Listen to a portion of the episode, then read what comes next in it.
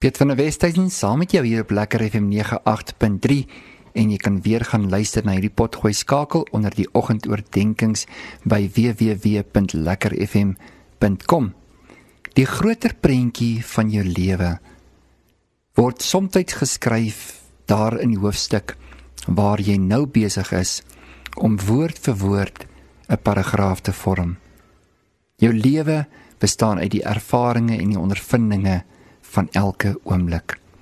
En terwyl ons praat oor die groter prentjie van ons lewe, is ons vandag in die boek van Amos, die profetiese boek.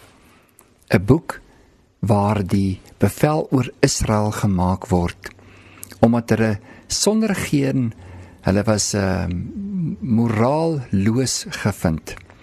Geen karakter nie en hulle deur uiterlike dinge probeer om op te maak vir wat hulle aan die binnekant verloor het. Dat my dink aan 'n wêreld waarin ek en jy is, waar daar soveel verskonings is wat mense aanbied elke dag. Hoekom ons nie meer luister na wat God sê, doen wat God sê en sy woord meer ag as enige iets of iemand in ons wêreld nie. In hierdie boek van Amos en die ses hoofstukke wat ek en jy lees, wil ek spesifiek dan vir jou Amos 5 lees vers 4 en 7. Vir my is dit die kern van dit wat God besig is om vir hulle te sê. Want so sê die Here aan die huis van Israel: Soek my, dan sal julle lewe. In vers 7 sê die woord: Julle wat die reg in wilde als verander en die geregtigheid teen die grond gooi.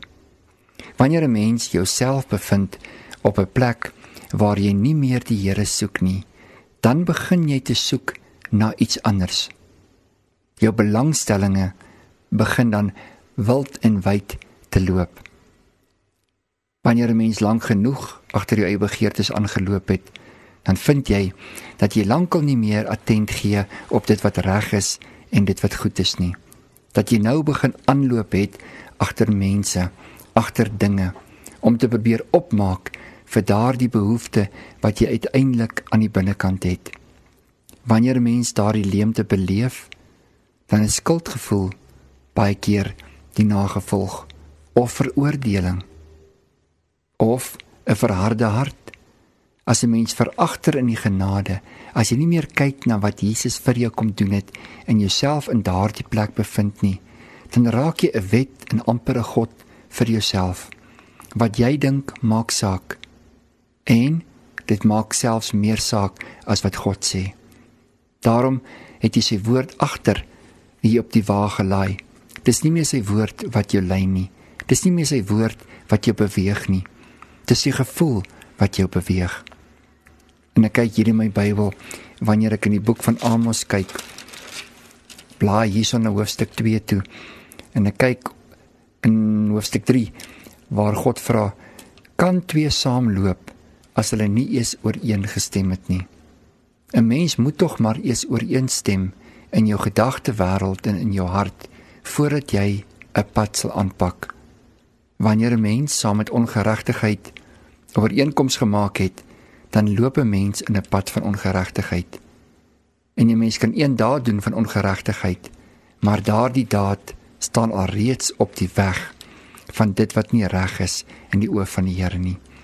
In vers 7 kom God en hy sê sal ek iets doen sonder om hierdie geheim vir my knegte en my profete te openbaar. God het nog altyd 'n begeerte gehad om met jou te praat. God het nog altyd 'n begeerte gehad om saam met jou teenwoordig in jou lewe te wees. Hy wil hê jy moet hom verteenwoordig. Maar jy kan hom mos nie verteenwoordig as jy nie sy hart, sy woord, sy gedagtes ken nie. Vir daardie rede vernuwe ek en jy ons gedagtes. Ons verander dinge wat ons dink in ons kop wat nie gelykstaande is aan die woord of God se voorskrif nie. Nie maar te wet is nie, maar omdat ek wil. Ek wil graag 'n goeie ambassadeur van Jesus wees in hierdie aarde. Wanneer hy deur my werk, moet mense hom kan erken. En mag hulle my erken as iemand wat 'n disipel is, 'n navolger Soos hy doen, so doen ek. Soos hy praat, so luister ek En so praat ek ook. In hoofstuk 5 in die boek van Amos kom God met die oproep in daardie hoofstuk deur sy profeet en hy sê soek my dat jy kan lewe. Jy sien lewe is in hom te vind. Dis waarom Jesus sê ek is die weg, die waarheid en die lewe. Niemand kom na die Vader behalwe deur my nie. En dan sê Jesus vir hulle ek het gekom om jou lewe te gee, 'n lewe in oorvloed. En baie keer dink mense dat 'n mens 'n armsalige lewe moet leef omdat jy 'n kind van die Here geword het. Nee. Inteendeel, ek dink God het talent aan jou toevertrou en jy moet woeker met daai talente. Ek dink is harde werk om by te bly met die seën van die Here. Want as God sy seën oor jou lewe losbreek, dan dan moet jy committed wees, dan moet jy woeker, dan moet jy werk, dan moet jy beweeg in dit wat God vir jou gesê het. Hy sê in vers 4 in hoofstuk 5: Soek my dat jy kan lewe. Kan ek vir 'n oombliekie alles net een kant toe skuif in jou lewe en net weer vir jou sê die Here wil vandag vir jou sê soek my dat jy kan lewe waarna soek jy wat is besig om in jou gedagte wêreld te gebeur wat jy besig om jou besigheid te doen die Here sê soek my moenie die pad van ongeregtigheid soek nie moenie die guns van hulle soek wat in ongeregtigheid teenoor my staan nie. Soek my, sê die Here. Hier is ek. Ek is te vind. Wanneer jy my soek, dan sal jy lewe. En ek sal jou huis bevestig. Ek is die God wat die sterre in die hemel hang. Ek is die God van Bethel. En wanneer jy by Bethel gekom het, die huis van die Here, Daar as jy jou kop neerlê en rus in die huis van die Here, dan sê ek openbaar ek daardie plek as El Bethel. Dat dit nie meer net die huis van die Here is nie, maar die God van die huis. Jy het 'n huis geword waarin God kom woon het. Weet jy dan nie dat jou liggaam 'n tempel is van die Heilige Gees en die Gees van God in jou woon nie? Ja, jy het 'n huis geword maar die God van die huis wil teenwoordig wees. Dat ek en jy nie net sê by name en mooi lyk en doen en Christelik praat nie, maar dat ons aan die binnekant getuig van wie ons werklik is. Mag die Gees saam met my en jou getuig dat dit wat ons leef, ons sê, ons doen, die waarheid is. Dat daar 'n egtheid aan dit kan wees wat ons in ons kunskap saam met God het. Vers 14 sê die woord: "Soek dit wat goed is en nie dit wat boos of sleg of ongeregtig is nie dat jy kan lewe dat jy kan weet ek die Here die God van die leerskare ek is met jou en ek praat en wat ek sê sal gebeur maar wanneer jy teen die woord beweeg dan is ek en jy aan die ander kant van die guns ons is aan die ander kant van die seën van die Here en kan 'n mens homself dan opstel teen God wel Ons het die geskiedenis wat vir ons wys wat met jou gebeur wanneer jy jouself opstel teen die wil van die Here. O, wie jou wat dink dat die einde van jou dag in ongeregtigheid vir jou goeie vrug op die land kan bring. Want bitter sal dit vir jou smaak. Die dag van die Here is duisternis en nie lig nie. Want die lig word aangesit wanneer geregtigheid seëvier. Wanneer God ons kom besoek, dan kom daar orde in ons lewens. Daar kom bevryding, daar kom daar kom 'n regstelling dat ons meer na die woord en die gees en die lig en die krag van God kan begin beweeg. So praat hy met my en jou vandag. Hoekom praat hy met ons? Want hy roep ons op. Onthou, dit is sy hart dat jy moet lewe. Dat jy nie vergeet waar jy vandaan kom nie. Moenie agter die gode van hierdie wêreld aanloop nie. Die dinge wat hulle belangrik maak en die dinge wat hulle vir jou sê belangrik is nie. In hoofstuk 9 waar boosheid vernietig word en die tabernakel gerestoreer word.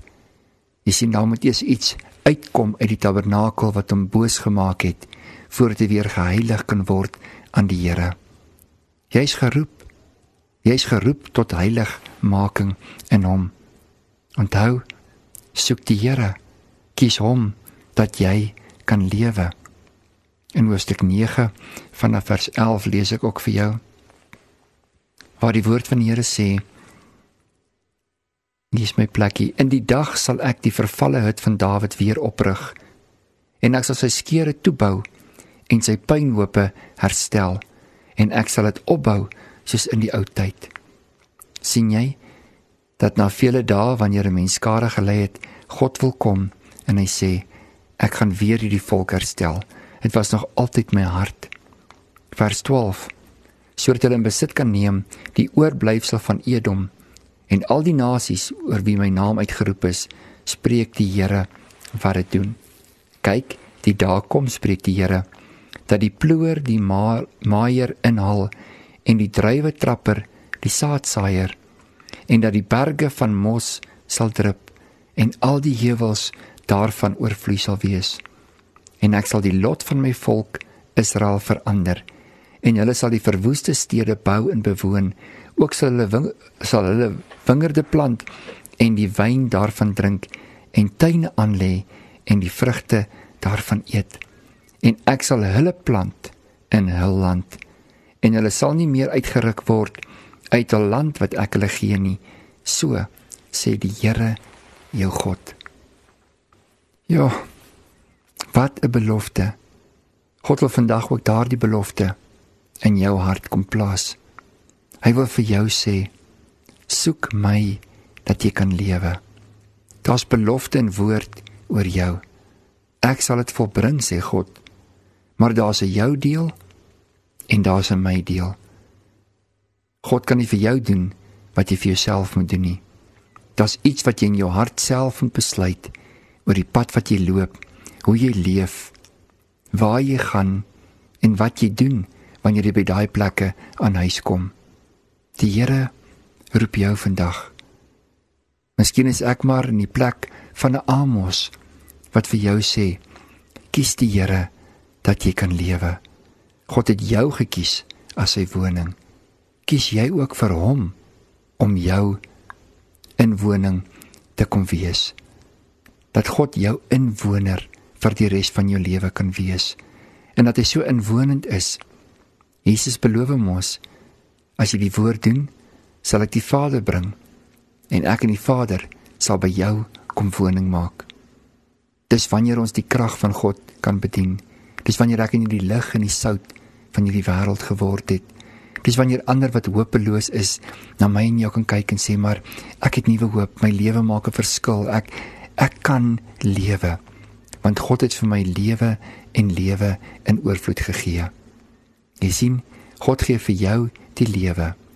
Wat jy maak met hierdie lewe bepaal of jy oorvloed sal hê en of jy tekorte in jou lewe sal hê. Selfs in die tekort is God genoeg. Want daardie vergenoegdheid is gebaseer op sy teenwoordigheid. Waar hy is, daar is vervulling. Waar hy is, daar is genesing, daar's verlossing, daar is bevryding. Wat jy nodig het, is Jesus. Ja, ek weet jy is besig om te bid vir een of ander deurbraak of iets. Maar eintlik lê daardie deurbraak om hom in jou lewe te hê, om by hom te wees en om hom toelaat om by jou te wees. Om hom toe te laat om ook deur jou lewe te kan werk sodat ander saam met jou kan getuig dat dit sy krag en sy lewe is wat in jou leef en deur jou leef. Jy is 'n spesiale mens. God het jou dit gemaak. Hy het jou geroep ten doel. En hy sê hierdie doel wat ek oor jou lewe gespreek het, ek sal dit volbring met al jou afdraai paadjies wat vir jou baie hartseer en seer en verwyd en al die ander gevoelens teweeggebring het. Ek het 'n woord oor jou gespreek en ek sal dit doen. Kom ek bid saam met jou. Vader, dankie. Dankie vir 'n boek soos Amos. Dat ons kan kyk, lees en leer om te verstaan, Here, dat jy eintlik maar net vir ons ook wil sê, soek my dat jy kan lewe. Kom my seun, kom my dogter, kom soek my in hierdie dag. Dan sal jy ook lewe deur dit wat jy by my gekry het. Ons bid dit in Jesus naam en ek en jy sê Amen en amen.